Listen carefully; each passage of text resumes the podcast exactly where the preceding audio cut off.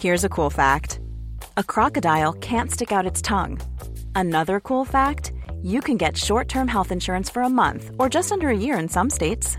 United Healthcare short term insurance plans are designed for people who are between jobs, coming off their parents' plan, or turning a side hustle into a full time gig. Underwritten by Golden Rule Insurance Company, they offer flexible, budget friendly coverage with access to a nationwide network of doctors and hospitals. Get more cool facts about United Healthcare short term plans at uh1.com.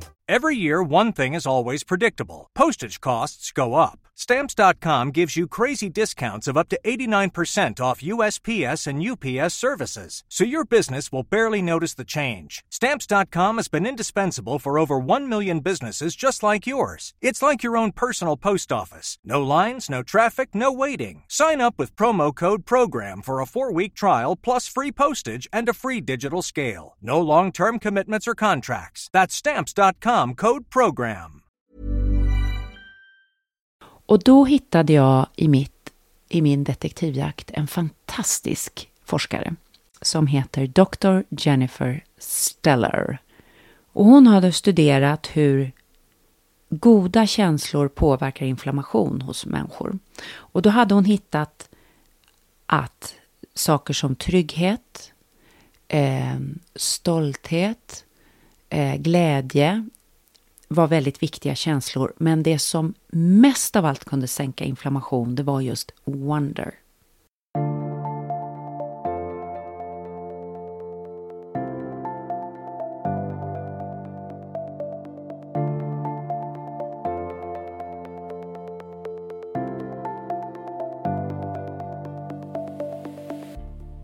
Der hørte du vitenskapsjournalist Maria Borelius, som har skrevet boken 'Helserevolusjonen'.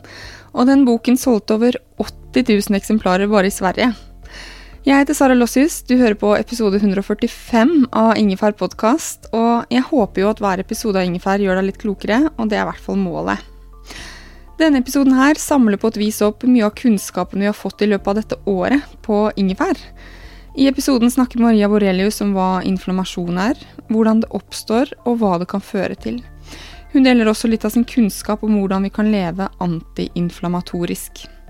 Og det er jo nettopp det temaet ingefær har tatt opp i år, det å spise mest mulig råvarebasert mat, være i naturen, trene og bevege seg, være sammen med folk du er glad i, være i stillhet og meditere, for å nevne noe. Og mye av dette snakker vi om i denne episoden. Og mot slutten av episoden gir Maria oss tre konkrete tips til å leve litt mer antiinflamatorisk som heldigvis er enkle greier og ikke noe hippie hokus pokus. Du finner Maria på mariaborelius.com og som Maria Borelius på Instagram. Og meg finner du på saralossus.no, som Sara Lossus på Instagram og Facebook, og i den lukkede gruppen Ingefær podkast med Sara Lossus.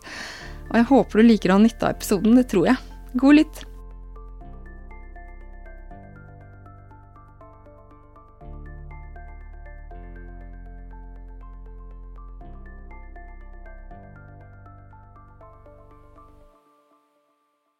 Maria, velkommen till Ingefär. Jag har glädet mig så mycket till att ha dig i studio. Tack, och vi är ju nästan matchande i kläder idag, du och jag också, av en ren slump. Vi kör leopard. Två leopardtanter. Mm. Men jag menar att leopard är liksom mervärdet i livet mitt. Är det mervärdet i ja. ditt liv? Ja, kanske är så. Följer mig det väldigt fin. är så. Nej, men jag tycker väldigt mycket om leopard. Ja. Mm. ja, men då har vi satt den. Du var 52 år, och så følte du att något ikke stemte med kroppen din. Mm. Fikk beskjed om att ja, det kan hända var övergångsalder, att det måste du leva med. på en måte. Sånn er det å begynne gå mot slutten, även om man bara är 52. Mm. Eh, og det førte ut i en sånn fire års lang tilfeldig reise, mm. som har resulterat i boken 'Helserevolusjon'. Kan mm. du berätta lite? Ja, när jag var 52 så hade jag väldigt ont i ryggen. Hade jobbat väldigt hårt och eh, jag fick gå med små kuddar som jag satte liksom bakom mig i stolen sådär. Så ont gjorde det. Jag hade en, eh, vad säger man på norska, en muffin top. Mm. Alltså en bilring. Vad heter det på norska? Ja, det är bilring det. Det är en bilring, mm. ja. En klassisk bilring. Och framförallt så var jag ganska grå i psyket. Jag kände sådär, ja men finns det något mer för mig nu eller ska liksom allting bara gå ut för i livet? Jag gick till, som du sa, en eh, gynekolog och han tittade på mig och sa nej men det är övergångsåldern och så där är det och vi kan inte, egentligen inte göra något. Då tänkte jag, jag måste i alla fall försöka göra något åt det här med ryggen. Eh, jag gick ner på gymmet, där stod bara en massa 19-åriga unga män och tänkte, vad kan de veta om mig som kvinna? Jag har fött barn, fyra barn, jag har en delad magmuskel, de kommer aldrig förstå min kropp. Så att jag hittade i alla fall en online-tränare i Kanada. Jag trodde jag bara skulle få träning av henne, men jag fick en massa matlistor. Saker jag skulle spisa och inte spisa. Och så lite träning också. Och så skulle jag göra en tacksamhetslista varje dag. Vad är allt det här? frågade jag henne. Och då sa hon bara, Maria, don't ask so many questions, just do it. It works. Fråga inte så många frågor, bara gör det, det fungerar. Ha, jag satte igång med det här väldigt, nästan motvilligt kan jag säga. Och jag fuskade en hel del. Eh, vad heter fuska på norska? Säger man fuska? Eh, ja, man säger fuska eller så är det joxe. Jag joxade, eh. jag joxade runt. Eh, och gjorde lite halvt. Träningen skötte jag, men maten joxade jag med. Men så märkte jag efter ett tag att ju mer jag skötte maten, ju bättre började jag må. Och efter två, tre månader så var mitt ryggonda magiskt borta. Bilringen helt borta. Jag hade ändrat kroppsform kan man säga. Jag hade gått mer från att vara ett päron till att vara liksom mycket mer vältränad, mycket mer muskler och mycket mindre fett. Och framförallt så kände jag mig mycket gladare. Och jag tänkte, tack lilla program, och tänkte inte så mycket mer på det. Men livet ville annorlunda. För då satt jag eh, i advisory board till Lunds universitet som är det stora universitetet i södra Sverige, där många norrmän går för övrigt och studerar. Och där fick vi besök av någonting som var helt nytt då. En professor i näringslära som höll på med något som jag aldrig hade hört om. 2013, antiinflammatorisk mat. Hade du hört om det 2013? Eh, jag hade hört om AIP-protokollen inom Paleo. Ja, ja, precis. Så, att, så att, som en slags specialkost ja. tror jag att det fanns ja. för folk med vissa typer av eh, symptom. I alla fall. Hon visade upp det här och det var inte exakt Paleo, det var inte LCHF, det var inte GI, det här var någonting annat. Jag satt och tänkte, vad är det här egentligen som hon pratar om? Men sen när hon la upp den detaljerade matlistan, då höll jag på att ramla av stolen, för det var exakt som jag hade ätit under det här programmet. Helt tillfälligt. Ja, helt tillfälligt. Och hon kunde då se effekter på sänkt kolesterolvärde, eh, sänkt blodtryck, ökad kognitiv förmåga, alltså eh, framförallt aktivering av hippocampus, det som är mellanlagringsstationen i hjärnan som förstärker arbetsminne, det man i vardagstal brukar jämföra ungefär med intelligens, kunde hon se. Tänkte jag, det här var ju intressant, att det här, de här resultaten hon får av den här kosten och så har jag resultat på rygg, bilring, psyke. Vad är det här? Så jag gick fram till henne och sa, du vet, jag, jag lever nog så här som dina försökspersoner. Nej, nej, nej, nej, sa hon, det är inte möjligt. Det här är ju bara ett försök. 44 personer i Skåne. Hmm.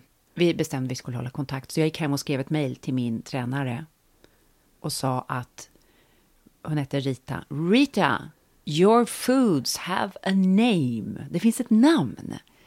Anti-inflammatory diet, en antiinflammatorisk diet. Där började min nyfikenhet och där började min resa. Jag bara bestämde mig, jag måste ta reda på vad har hänt i min kropp? Varför ser det ut så här? Finns det något mer? Vilka kan något om det här? Vad är det här för något? Så hälsorevolutionen är berättelsen om den detektivjakten. En väldigt spännande bok som jag har slukt på två dagar. Oj! Ja, men det tog inte två dagar att skriva den kan jag säga. det ser man på referenslistan och var du har varit i, i världens avkrokar kan man säga. Men vi må, vi må veta vad, alltså, vad, du snackar om antiinflammatorisk livsstil, för det är ju en livsstil det här. Men då måste vi veta vad inflammation är. Ja. Vad är det för något? Och då är det så att det finns två typer av inflammation. Inflammation är en skyddsreaktion hos kroppen. Eh, och eh, om du tänker dig att du skär dig i handen med en kniv så kommer du kring det här efter ett tag att bli röd och svullen och det kommer göra ont. Och det är inflammationen som går in och reparerar skadan genom att förändra du sa att jag kunde vara lite nördig här när jag pratar men permeabiliteten i membranen, att man ökar tillflödet av eh, blodkroppar som ska kunna reparera och bygga ny eh, frisk eh, vävnad. Den inflammationen är god, den har en början, den har en peak och den har ett slut. Så det är inte den vi talar om, utan vi talar istället om det man kallar låggradig eller lavgradig på norska, systemisk inflammation.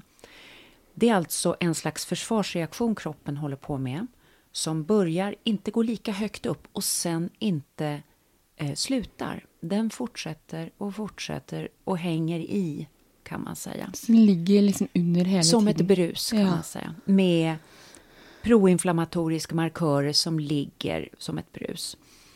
Och man vet egentligen inte riktigt exakt hur det sen kopplar, men att det kopplar till våra största folksjukdomar, det är idag helt eh, bevisat.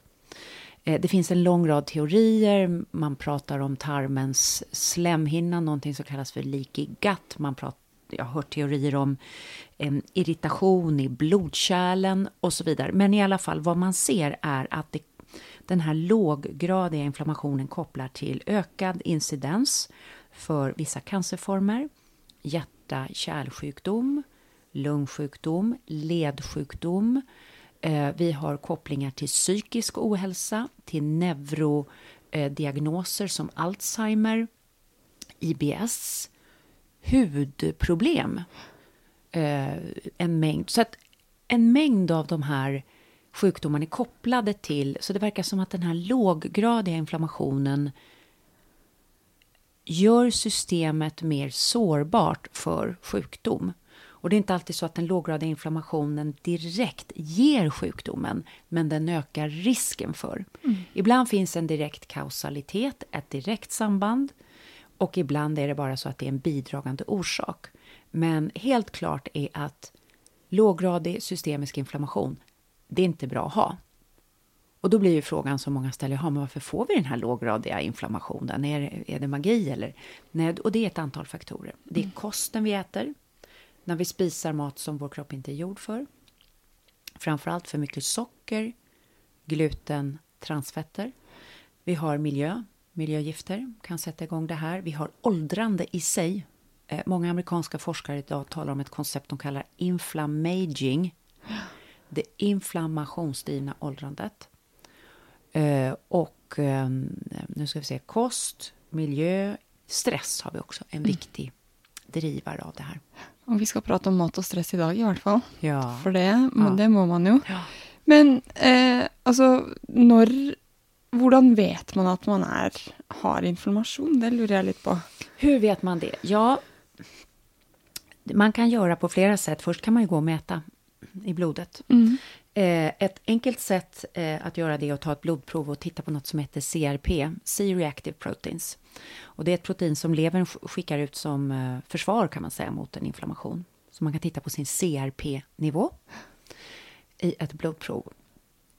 Eh, sen finns det andra sätt att mäta inflammation som är enklare. Man kan mäta interleukin 6 i saliv. Det kan man göra direkt i saliv utan att dra blod. Och där kan man mäta inflammatorisk reaktion direkt på saker. Det är ett annat sätt. Men sen kan man ju också göra så att man kan känna kring sin egen mage. Vi vet alla hur vi känner när vi ätit en måltid vi inte mår så bra av. Hur känner du dig då kring magen? Nej, alltså jag blir som stoppmätt og så litt sånn ekkel og Ja. oppblåst. Uppblåst, ja. Du blir svullen, du blir uppblåst och det, du gör lite ont, eller hur? Ja, man kan se litt Nå er jo jeg ganske høygravid, men man kan se litt sånn Ja, typ ganska höggravid kan jag tala om för lyssnarna. Ja. Men eh, at man kan se Jeg får hvert fall Jeg reagerer på visse typer mat, så jeg vet akkurat hvordan det er. Jeg får eh, bollemage og luft, og så kan jeg få vondt. Eh, og ja. Mm. Och det är ju, om du tänker efter när vi pratade om inflammationen, om du får ett sår i handen, du blir svullen, du blir öm. Det är precis det, du blir inflammerad in i tarmen, det är exakt samma sak. Så att vi har en intelligens i magen. Man brukar ju prata om magen som den andra hjärnan. Där har du en, att känna kring magen, hur pass liksom öm, svullen, vätskefylld den känner sig. Där har du. Sen så kan du också kring hudens kvalitet, du kan titta kring, om du äter väl i tre dagar så får du en annan hy. Den har mer lyster, den är jämnare, den har färre rynkor. Mm. Och så om man missköter sin mat jättemycket i en vecka så vet vi ju hur alla hur vi ser ut. Vi, rynkigare, skrynkligare, ojämnare kvalitet i huden. Så det är ett annat sånt här sätt. Mm. Eh, så det finns liksom en mängd, mängd sätt att... Och sen människor som har mycket ledsmärta brukar känna av inflammation i att det gör mer ont i i lederna helt enkelt. Mm. Want flexibility? Take yoga. Want flexibility with your health insurance? Check out United Healthcare Insurance Plans. Underwritten by Golden Rule Insurance Company, they offer flexible, budget friendly medical, dental, and vision coverage that may be right for you. More at uh1.com. Say hello to a new era of mental health care. Cerebral is here to help you achieve your mental wellness goals with professional therapy and medication management support. 100% online. You'll experience the all new Cerebral Way, an innovative approach to mental wellness designed around you. You'll get a personalized treatment plan from a therapist, prescriber, or both in a safe and judgment free space. Your cerebral therapist or prescriber will outline a customized plan with clear milestones along the way so you can get to feeling your best. With Cerebral, you're not alone in your mental health journey. We're here to empower you to live a fulfilling life. So take that first step towards a brighter future and sign up today at cerebral.com slash podcast and use code ACasts to get 15% off your first month. Offer only valid on monthly plans. Other exclusions may apply. Offer ends July 31st, 2024. See site for details. Så kroppen säger ifrån? Kroppen, kroppen signalerar när den ligger för högt i inflammation, det kan man säga. Da kan vi begynne å prate litt om mat, eh, siden eh, vi er litt inne på det. Det med huden syns jeg er interessant, for hvis jeg spiser for mye av melkeprodukter, så får jeg litt sånn rød, rødprikkete hud. Mm, mm. Ja. Eh, eller, det kjenner vel flere seg igjen, nå drikker jo ikke jeg alkohol når jeg er gravid, men når mm. man gjør det når man mm. ikke er det, mm. så får jeg liksom puffy ansikt. Hovner litt opp og Mm. Booze face. Ja. Det er ikke da jeg er på mitt vakreste. Selv om det kan være gøy å drikke vin, altså. Jeg gleder meg til å ta et glass igjen. Men jeg hadde mm, tidligere i sesongen en episode om ultraprosessert mat. Så mm. mat som man nesten ikke kjenner igjen bestanddelen i. Mm. Og det er vel en kategori eh, som inflammasjon. Nej, ja, man kan säga så här att den här antiinflammatoriska maten, tanken är ju då att äta mat som minskar den här låggradiga inflammationen. Jag ska bara sätta mig lite. Eh, och eh, då är det ett antal principer som är väldigt viktiga. Mm. Eh, för det första, just att äta den oprocessade maten. Och varför vill vi åt den? Jo, därför att den har mindre dolt socker. Den har mindre transfetter. Transfetter är ju de här härdade vegetabiliska fetterna eh, som är inflammationsdrivande. Så vi vill minska det som driver inflammation i kroppen och sen vill vi öka det som motverkar inflammation. Mm. Eh, och då vill vi minska socker och då talar vi synligt vitt socker och dolt socker. Och vi vill också göra så att när vi äter någonting som är sött så vill vi minska GI-värdet av det söta. Så att man kan äta ett äpple, vilket är då bra för att där kommer sockret ihop med fibrer. Det minskar GI-värdet av äpplet. På samma sätt om du tar några, spisar några nötter till äpplet, då minskar du ytterligare GI-värdet av samma mängd äpple därför att du lägger till fett och protein mm. som förhindrar en radikal höjning av eh, blodsockret som blir i annat fall. Så därför är det alltid bättre att äta ett äpple än äppeljuice och ännu bättre än det är äpple med nötter. Ja, så äpple med nötter är nästan ett fint mellanmåltid, men äpple är inte så optimalt. Nej, nej mm. därför då får du den här blodsockerhöjningen. Och på samma sätt så banan höjer ju blodsockret väldigt snabbt. Så om man vill spisa banan, gärna ta några nötter till eller ett ägg till eller en, en protein och en fettkälla. Mm. Så det är väldigt viktigt. Gluten eh, på samma sätt har visat sig höja inflammation, att minska det, minska på bröd och minska på pasta. Och vill man gärna spisa bröd att hellre välja surdeg. Därför där är glutenet, eh, som är en stor komplicerad molekyl som man tror liksom river i slem, slemhinnorna på tarmen. Eh, den är halvt smält. Sur, sur, eh, svampar liksom smälter ner den här, det här proteinet. Eh, ja, sen vill vi ju öka det som, som är bra för oss. Och då är ju norsk kost väldigt bra faktiskt, för det är mycket fet fisk. Alltså att spisa de här feta fiskarna. Lax, eh, sill, om den inte är för, för mycket socker i, tonfisk, makrill, eh, alla, alla de. Jag har faktiskt, vad är det mer jag har fått för fet fisk här? Jag har fått valkött här i Norge någon gång. Nej? Ja, jo. Kan det stämma? Jag gick förbi Fisketorp bak Bryggestad. Där säljer de tre olika typer val idag. Val? Ja, det, mm. det var utmanande att äta val. Men ja, ja, det är fet, smakte på en stund. Ja, det är ju inte en fisk egentligen, men det är fett i alla fall. Mm. Eh, och sen så nötterna och fröna. Ja. Och där har vi chia. Väldigt, och vad är det vi vill åt? Omega-3-fettet.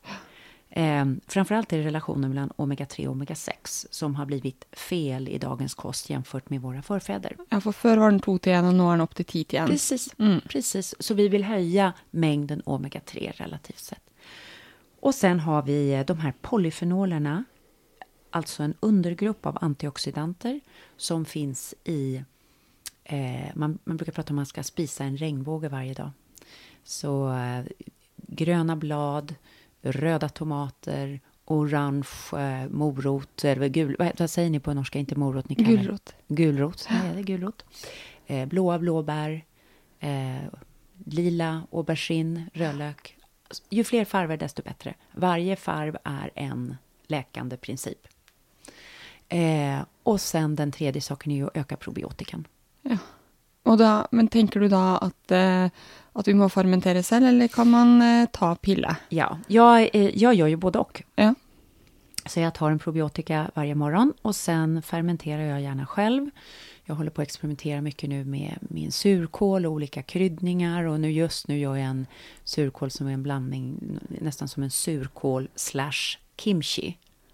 För man gör surkål men kryddar med chili, lite ingefära, lite koriander. Det är jättegott. Ja, det är jättegott. Jag har ett vännerpar som vi var nere och hämtat nu, för vi lagar inte själv akkurat nu, mm. men vi fick eh, kimchi och så fick vi gulrot och surkålblandning mm. och så kefirkorn som vi har på mjölkekefer. Mm.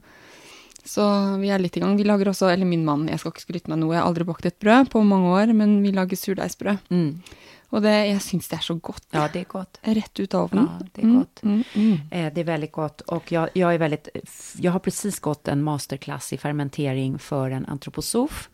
Eh, som också lärde oss att göra andra typer av fermenteringar. Som, alltså i surkålen är ju väldigt speciell, för där fermenterar du i kolens egen cellsaft genom att banka sönder cellulosaväggarna med salt. Och så lägger du det i, i liksom den egna vitkålsjuicen. Men hon lärde mig att fermentera också andra grönsaker bara med saltvatten. Kan man säga. Det är som man lagar kvass, ja. en rödbet. Ja, ja. Mm. Mm. Jag har prövat en gång och det gick skickligt dåligt. Ja. Men, jo, men man får, det är man får, man får, Ja, och vi, jag tror också liksom det här med oprocessad mat. Vi, vi har tappat, eller vi har blivit rädda för att hålla på med mat. Liksom det som bästemor och bästefar kunde på något sätt och hålla på och experimentera och göra inläggningar. Vi har blivit rädda för det. Vi, vi, vi kan inte längre, men det är inte så farligt. Det värsta som kan hända det är ju att du får slänga ut det i vasken och försöka igen. Ja. Och, och, och, vitkål är ju väldigt billig mat. Det är jätte, och, och, liksom så sunt och gott. Så det är i alla fall en viktig sak. Och där ligger ju kombuchan och där ligger ju, som du pratar om, kefir. Mm. Eh, misosoppan som är fermenterad eh, soja. Och yoghurt? Jo, naturligtvis. Där mm. har du yoghurten och gärna gå på den helt feta yoghurten. Så inte, gärna grekisk yoghurt, 10 procent, jättebra. Det här som, nu är jag mycket äldre än vad du är, men eh, när jag var liten, då kom ju hela fetträdslan. Och då skar man ner på fetthalten, så från 3-4 procent naturlig fetthalt i, i mjölken eller eh, yoghurten, 0,5 procent. Men vad la man till istället? Mm. Socker. Så man gjorde sockeryoghurt. Som fruktyoghurt med socker och tog ner på fettet. Det var ju naturligtvis helt vansinnigt. Men nu vet vi bättre. Nu vet vi bättre. Och jag måste säga att det smakar bättre med lite fett. Ja, det smakar ju mycket bättre med ja. fett. Och sen när man har vant sig av med det här söta så blir man, tycker man ju väldigt mycket om det här sura. Och det har jag lärt mig också av en, eh, nutritionist som håller på mycket med det här i England, att man ska börja älska det sura, därför att när syra framträder så är det ett tecken på att det är lite sötma. För när det finns mycket sötma så känner du inte syran. Så man ska börja leta efter det lite sura, för det är ett tecken på låg sötma. Skjønner. Ja. Så det, det är ett litet sånt där eh, knep liksom. Och sen har du ett annat väldigt bra knep i det här också och det är ju att addera vinäger. Ja, for det skulle jeg spørre om nå. Ja, för det sänker glykemiskt index på samma sätt som kanel gör. Så det å ha for eksempel eh, en annen eddikbasert salat ved siden av middagen kan være bra, da. Det är väldigt bra. Om du tittar på vad fransmännen, de spisar ju ofta en lit salat först med en vinägrett.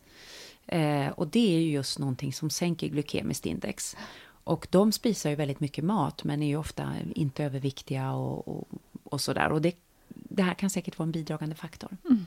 Men jeg lurer bare på, hva er det, så viktig for oss å ha jevnt blodsukker gjennom dagen istedenfor disse toppene? Ja, varje eh, sån här för, stark förhöjning av blodsockret sätter igång en inflammationsreaktion. Så vi vill ha jämnt blodsocker för att inte sätta igång inflammationsreaktioner. Sen kan vi också titta evolutionärt, våra förfäder. Och då kommer man in lite på paleotänket. Att de hade ju nästan aldrig någon blodsockerhöjning i sitt liv. Ingen radikal. Ja, det skulle vara om de en gång om året hittade en honungsfylld bikupa. Mm. Men, men jag menar, e, eller ett fullt träd med mogna frukter. Men deras vardagskost var ju fett, protein, fibrer, rötter, nötter. Alltså, det fanns inte stora mängder socker. Så vår metabolism är inte gjord för att klara det här som vi i väst har liksom blodsockret går upp och ner och upp och ner och upp och vi ser ju sjukdomskonsekvenserna. Diabetes 2 ökar ju enormt och vi ser i utvecklingsvärlden där man går från i Indien till exempel undernäring rakt in i övernäring och man, vi har barn nu med diabetes 2 i tioårsåldern. Och det är ju naturligtvis den här processade sockermaten. Det är chips, Coca-Cola, eh, sitta stilla. För det ska man också komma ihåg att stillasittande driver inflammation. Det är inte bara så att bevegelse tar ner inflammation, för det är också en helt ny grej som jag hittar i boken. Att den kanske främsta effek- effekten av motion är att det drar ner inflammation. Att musklerna samspråkar med immunförsvaret. Det syns jeg er spennende. Altså. Ja, det är spännande. Da kan vi hoppe rett over i trening og bevegelse. For det jeg syns var fint med boken din der, var eh, at eh, Altså, du har jo vært på en reise, ikke sant. Fra du var jo over 50 når du eh, begynte å forske i det her. Eh, og som så mange andre så har du trent for å få kalorier og i det hele tatt. Ikke sant? Har gjort Det- allt i min ungdom. Alltså jag har varit helt vansinnig. Mm. Ja. Och det är jag har dessutom varit en varit. misslyckad bulimiker och det är ju den lägsta statusen man kan ha. Det är ju bulimiker som inte ens klarar av att kräkas. Mm. Då, det, det, då har man så låg status så att det finns inte. Men Så- du slapp syreskade på tennene. Ja, det gjorde jag och det här Ja. var ju i eh, typ 18-19 års Mm. åldern, 20 års åldern. Jag kom ju ur det där. Och det kanske var tur att jag inte kunde kräkas. Därför att de av mina väninnor som kunde kräkas, de blev ju fast i det där. Ja, jag var ju jag tvungen för att jag, jag bara svällde. Jag, jag var jättestor. Ja. Men så det som du fant ut med trening i, den bo, i boken din, er jo, eller hvordan jeg leser deg, da, er at eh, eh, du snakker ikke noe om trening for å se sånn og sånn ut, Nei. eller for å prestasjon eller noe, men mer den hva er det jeg trenger i dag. Mm. I tillegg til at det må planlegges, da. Så bør, man bør f.eks. skrive styrketrening, yoga, man må gå litt, kanskje litt eh, eh, jogging eller hva som helst, men mer sånn lytte til kroppen. Og i dag så greier jeg å løfte sjukt tung markløft, Mm. så dagen etterpå så er det kanskje yoga som gjelder. Jeg syns det var en veldig fin tilnærming til Mm. trening, for alt hjelper, ettersom jeg har skjønt. Absolut, det gör det. Och eh, jag, jag är ju på jakt i boken efter det man kan kalla för dyp hälsa. Verkligen djup hälsa alltså. Och eh, det viktigaste effekten med träningen är just att det finns tre sätt. Eh, och du sa att jag kunde nörda lite här. För, för det första så utstrålar, eh, utsöndrar kan man säga muskulaturen något som heter myokiner som reglerar ner inflammationen. För det andra bränner du det viscerala fettet, det är bukfettet, som i sig är inflammationsdrivande. Och för det tredje så ökar du insulinkänsligheten på muskelcellerna. Det vill säga de blir känsligare för blodsockerhalten och reglerar, tar snabbare upp sockret i blodet och eh, reglerar och jämnar till blodsockerhalten. Så du har tre enormt sofistikerade miljontals år gamla mekanismer för att dra ner inflammation som kommer av daglig bevegelse. Så att eh, det här som gamla vi har pratat om, kalorier och endorfiner, det är en liten, liten del av sanningen. Det finns en mycket större, djupare sak som ligger bakom. Og, men hva med stillesitting? Altså, det jeg tenker sånn, Hvis man fokuserer mer på å bevege seg, så sitter man kanske lite mindre? Mm, alltså stillasittande eh, kan man mäta ökar inflammationsgraden i kroppen. Mm. Och då kan du tänka på våra ungdomar, sitter stilla, dricker cola, eh, spisar eh, processade hamburgare. Det, det är liksom en trippelkombo som är... Den är inte bra. Nej, den är inte så bra. Nej, nej. Men eh, det kan väl hända i... Eh, jag levde ju en lite mer rusigt i 20-åren än ja. det är nu, må jag säga. Jo, det händer ju i allas liv. Och mm. du vet ju att jag, eftersom du har läst boken, att jag är ingen fanatiker och jag förespråkar 80 tyve. Liksom. 20 procent måste man bara få leva och vara lite vanlig människa. Mm. Och så, nu hoppar jag tillbaka till mat, men det jag också liker är eh, det med att du inte säger att, eh, att någon mat är ren eller uren, clean mm. eating Nej, jag tycker inte om det. Nej, inte jag heller, för då delar man det upp i de som spiser sån, mm. är, spiser skittent eller är umoralska eller, jag syns det är ugrejt. Ja, det är ogrejt och dessutom så, så vet vi ju aldrig orsaken till en annan människas liv på djupet. Nej. Eh, någon kan vara deprimerad, någon kan vara fattig, någon kan vara utsatt, någon kan vara marginaliserad, mobbad på jobbet. Du vet inte varför det här att de kanske måste äta hamburgare så kanske är ett tecken på att de mår väldigt dåligt på något annat sätt. Och att döma matvanor då hos andra, man vet aldrig. Så att jag har bestämt mig för att jag tycker aldrig något om hur någon annan spiser. Eh, utan jag försöker presentera det jag lär mig och mina egna problem. Jag är ju väldigt ärlig med alla problem jag har också, ställa om kosten. Mm. Eh, det tog mig ett år att sluta att spisa bröd och jag har fortfarande inte slutat att spisa bröd. Ibland måste jag bara ha lite rostat bröd med smör och marmelad, bara för att det är så gott. Men eh, så att jag har inga åsikter om vad andra människor gör egentligen. Jag, jag vill inte vara en sån här heller liksom hälsoprofet som står så här och pekar finger och besserwisser. Utan det är därför jag försökt vara så ärlig i boken med alla problem jag har själv också.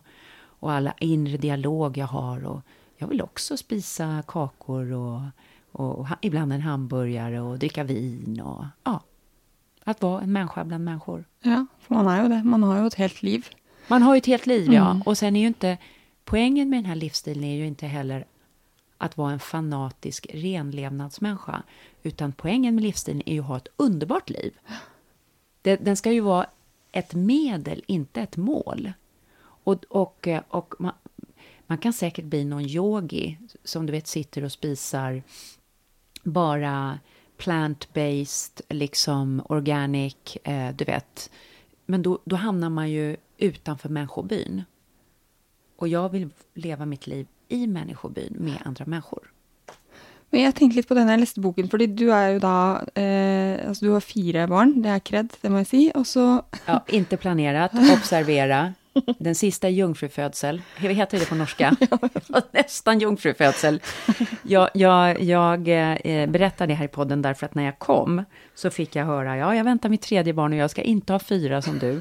Och då sa jag just det att eh, Vänta du, jag trodde också jag skulle ha tre barn, men det blev ett fjärde. Ja, jag har väninna som fick en fjärde, eller som är gravid med sitt fjärde överraskande nu. Som blev det. Ja. ja. Men uh, jag tänker att tre, nej vi får nog se. Man kan ja. inte planlägga livet, det nej, har jag det är det man inte kan. kan inte, och det är massor man inte har kontroll över. Nej. Men jag tänkte det på, för du skrev ju i de åren när du hade fyra barn, hvor, det var liksom råtterace på ja. måte. Hur kan man få in, för exempel dessa matvanor som är, uh, alltså, som är en övergång för väldigt många. Ja. Eh, hvordan gör man det, tänker du? Vet du, jag tycker att det där är en oerhört bra fråga.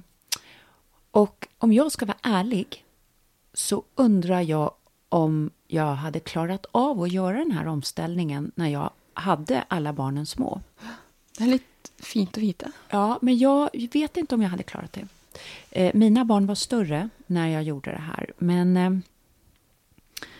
om, jag hade, om, om någon kom till mig och frågade, som har många små barn och arbete och allt det här som nordiska kvinnor är så fantastiska och gör allting på en gång, så hade jag nog gett rådet, om jag fick frågan, att göra en sak åt gången. Mm.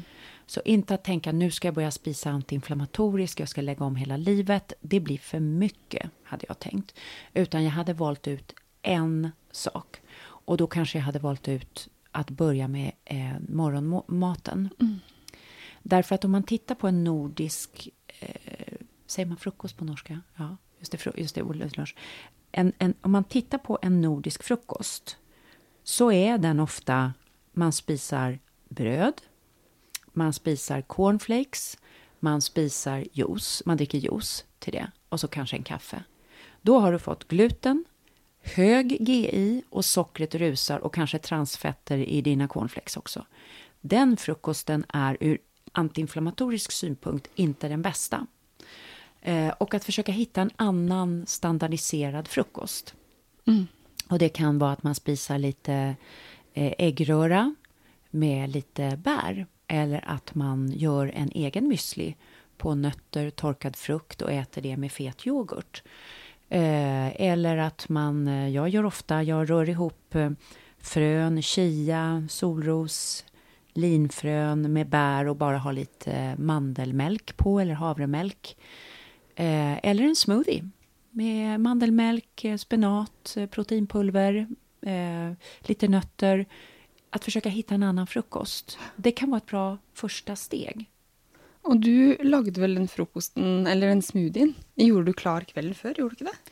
Ja, ibland har jag gjort det när jag ja. haft mycket att göra. Jag tar alla torra ingredienser som jag häller upp i min eh, mixer. Ja. Och sen så häller jag bara på mjölken, på, eh, om jag har nötmjölk eller havremjölk, häller jag på det på morgonen. Så det är klart. Och det är ett gott eh, tips, syns jag. Ja, Istället för att stå och fumla med alla ja. ingredienser på morgonkvisten. Ja, man är trött precis ja. på morgonen. Mm. Så det har jag gjort. Men man kan också säga att en gång i veckan göra en egen müsli och sen bara ta fram lite fet yoghurt och strö på den och lite bär. Det tar två minuter. Ja. Det går fort också. Det som är fint med att starta med frukost nu är att då startar man lite på topp. Alltså sån, jag har gjort något bra för mig själv ja, idag. Jag tror det har positiva ja. Ja, ja. Alltså, och det, det är en sån där positiv sak.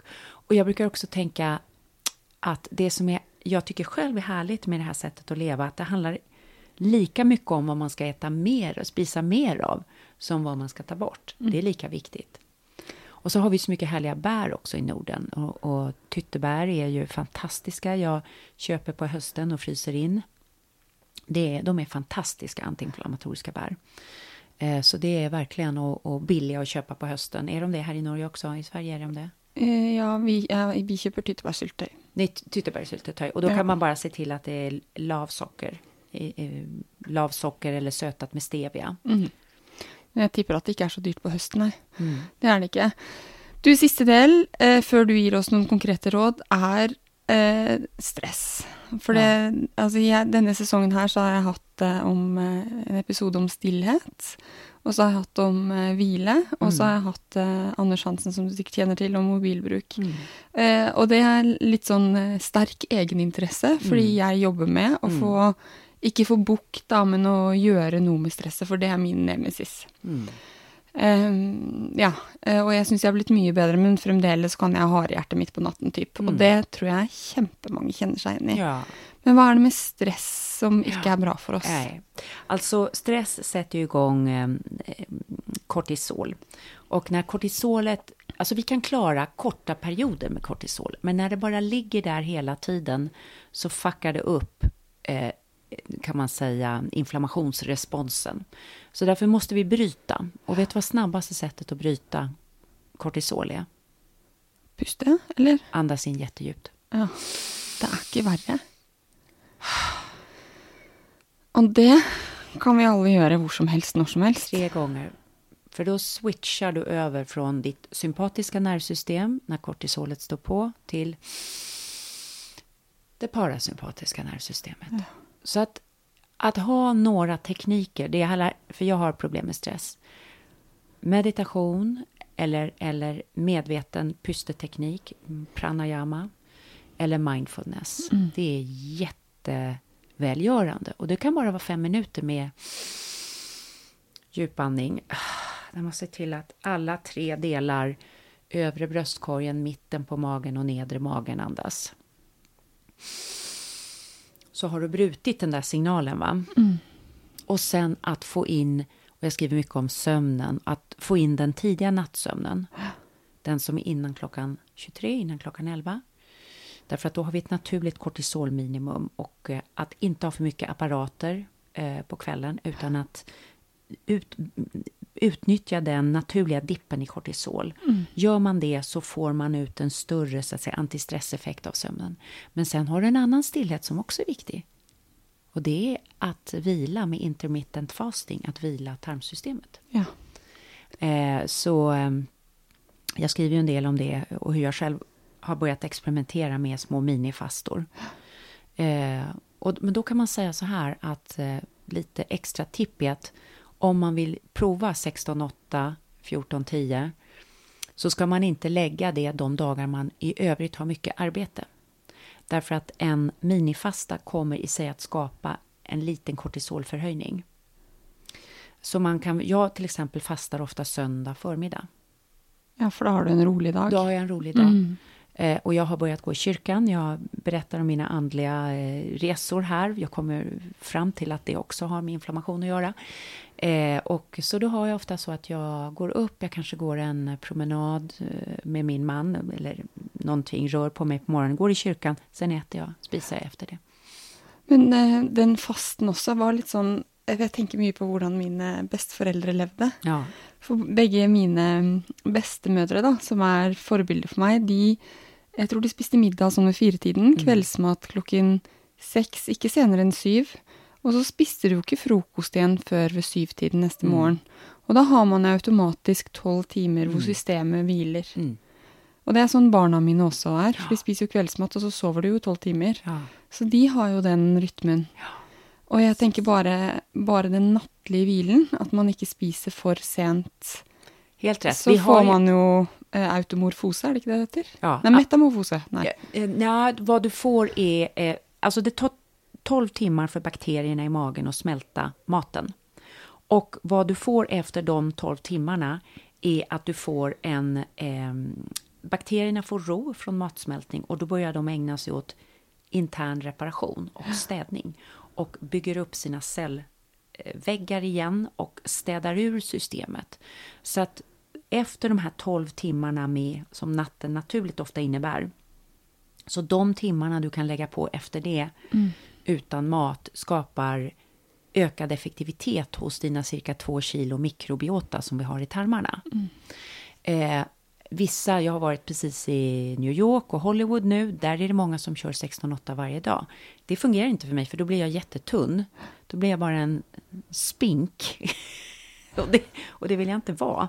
Eh, men för mig funkar det väldigt bra en eller två dagar i veckan. Mm. Och andra, man kan prova 14-10 också om 16-8 är lite för mycket.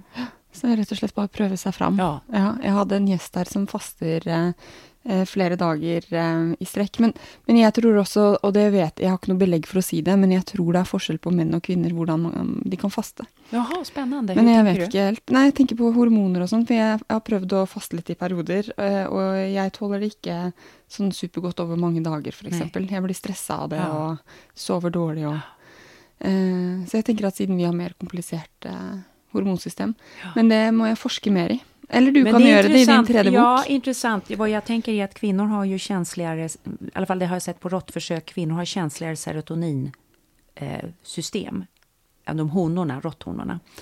Och ehm, eh, det är lugn och ro-systemet. Om det, om, det, om det är det som påverkas på något sätt. För jag är som du, om jag fastar över flera dagar, då sover inte jag på natten, utan har nästan ångest på natten. Ja. Och hjärtklappning och ja, Ja, og det er veldig ubehagelig. det är obehagligt. Ja, og det er veldig, jeg tenker at det er et tegn på at det ikke er så bra for meg, eller for deg òg. Nej. Men hvordan har du selv lagt om for å redusere stress i livet ditt? Altså, du sier at det er tydeligvis work in progress. det er litt deilig nej, å men høre, det, altså. Jag, jag, jag, eh, jag kommer nog dö en dag och säga jag har problem med stressen. Alltså för att det är liksom, jag, jag tror att jag är... För, jag, jag har så roligt i livet så jag vill så mycket så jag säger ja till för mycket saker. Det är mitt problem. I alla fall, ehm, ja, jag, jag mediterar en till två gånger varje dag. Utan det eh, så skulle det inte gå. Och jag jobbar nu också sedan en månad tillbaka med mina andningsövningar. Och just, jag har tränat för en eh, indisk pranayama-guru. Just eh, att fort gå in i parasympatiska nervsystemet. Och jag, jag ser det som, nu ska jag switcha i mitt nervsystem.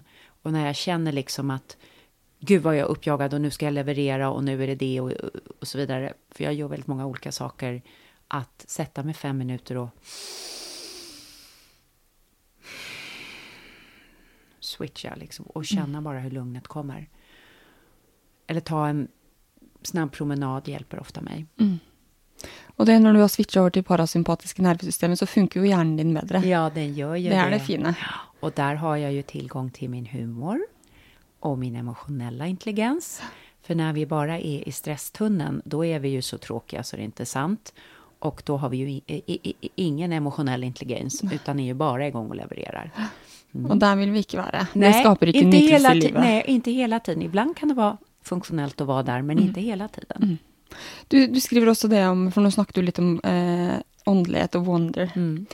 Jeg syns det er fint. Det gir en ekstra dimensjon. Ja. Men er det noe i det som gjør at man kan leve mer antiinflammatorisk når man ser på en solnedgang og tenker 'gud, så vakkert det her er'? Ja, precis. Och det här var ju det mest för mig oväntade under arbetet med Ja, boken. det skjønner jeg. För att... eh, Och jag fick faktiskt tipset av min dotter. Jag har en dotter som är skådespelare och hon studerade då i Hollywood.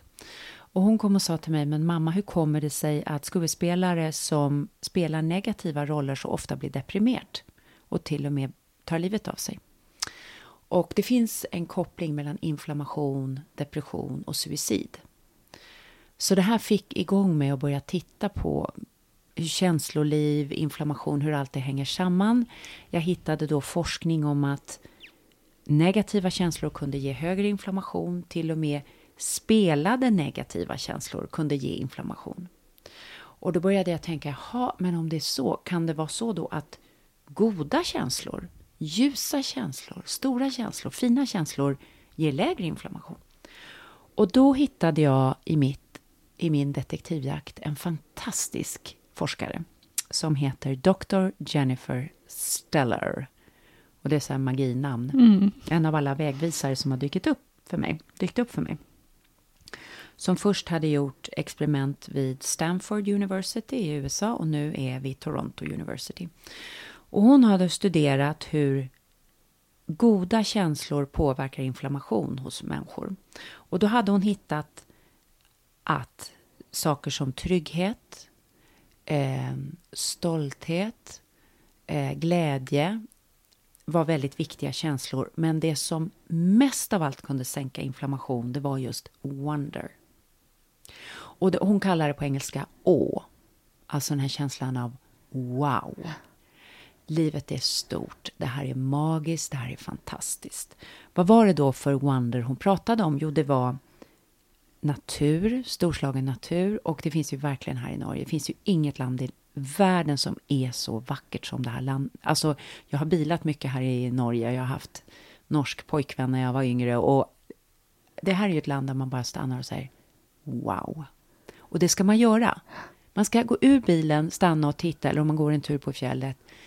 In allt det här, det är inflammationssänkande. Hon kunde också se solnedgångar, effekter av det. Hon kunde se effekter av konst. Och det var den här typen av konst som fick en att bara känna wow. Kan man se livet så här också? Liksom, kan, det se, kan man skildra människan så här?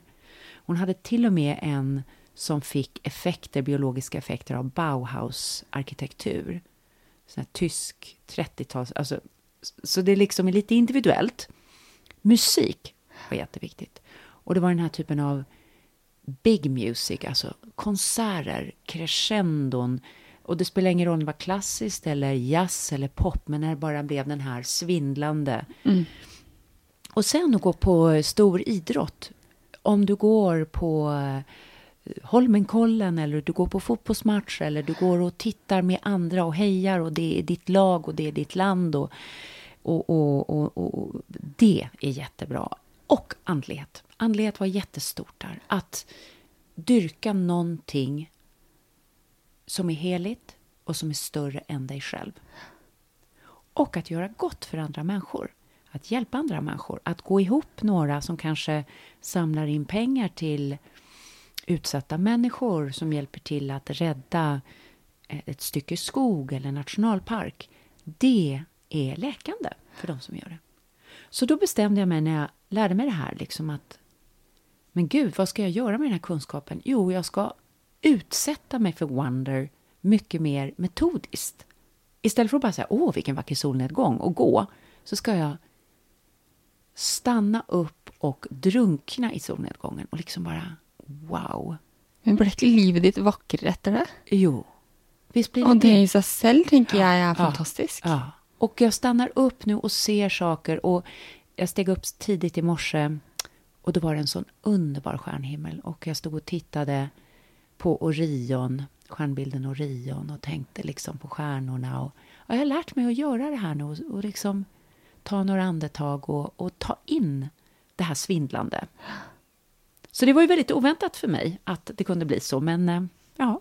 Jeg syns det gir Jeg, jeg syns også det var uventet når jeg leste det, Ja. selv om jeg um, snakket jo om før vi begynte om at det minner meg litt om Mariana Huffington, den boken 'Thrive', som jeg Ja. snakket om før på Ingefær. For hun snakker jo også om det om det som er ta inn det som er større enn deg selv. Hun snakker jo ikke om antiinflammatorisk, men mer som en sånn eh, merverdi eller gave til livet. Og det, jeg, jeg tenker at det at man, eh, man er litt liten og ser på det store, så vet ikke, kanskje trigger takknemlighet eller ro eller tilhørighet, eller Men det er et eller annet i det som, som er veldig fint.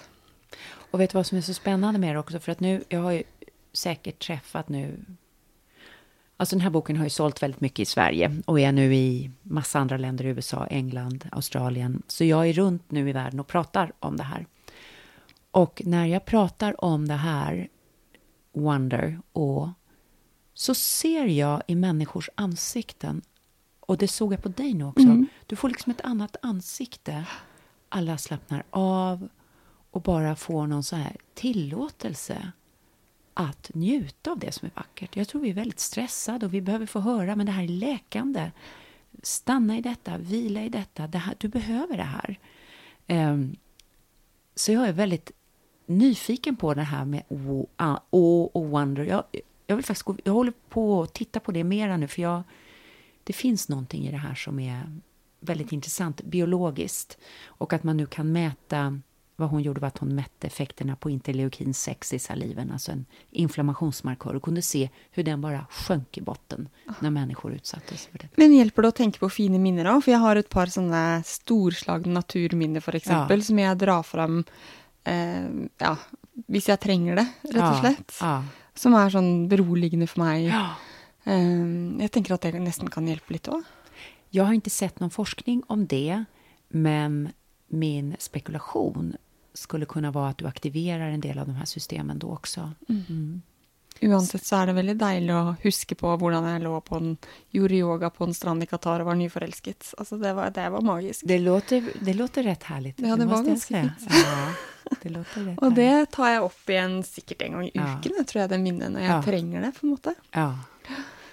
Men du, eh, beste tips som alle kan gjøre for helsen, eh, og dermed for livet. For det handler jo ikke det bare å ha en Det god helse, det handler om å ha et fint liv. Mm. Mm. Har du et par Ja, gode tips som vi Tre, bare tre kan saker. Ja, som vi kan jag- kjøre på? Ja, tre saker skulle jag köra på. Mhm. Ett, se över frukosten och hitta eh, något du trivs med, du tycker om, som är antiinflammatoriskt. Titta gärna i min bok för tips. Eh, nummer två, försök att beväga sig, röra på sig lite varje dag, så man svettas. Och nummer tre, att varje dag tillåta sig en liten stund stillhet eller wonder. En liten meditation, andas djupt 10 minuter, titta på några vackra tavlor, lyssna på någon härlig musik, gå i natur. Alltså någon bara sån här. Ja, men det är ju ganska härligt att vara människa ändå. Alltså den känslan. Mm. Det tror jag vi ska få till allesammans. Det är inga konstigheter. Alltså det, det här är inte jättekonstiga grejer, någon av de här. Nej. Tusen tack för att du kom på ingefär, Maria. Mm, tack så mycket. Sånn, det var episode 145 av Ingefær med meg, Sara Lossius, og gjest Maria Borelius, som altså er vitenskapsjournalist og forfatter av boken Helserevolusjonen. Og på torsdag kommer Ingefærshot ut som vanlig, med nydelig svar på hva suksess er, samt oppskrift på snyggsmoothie. Og inntil det, ta vare på deg selv og de du er glad i, og nyt litt ekstra. Ha det!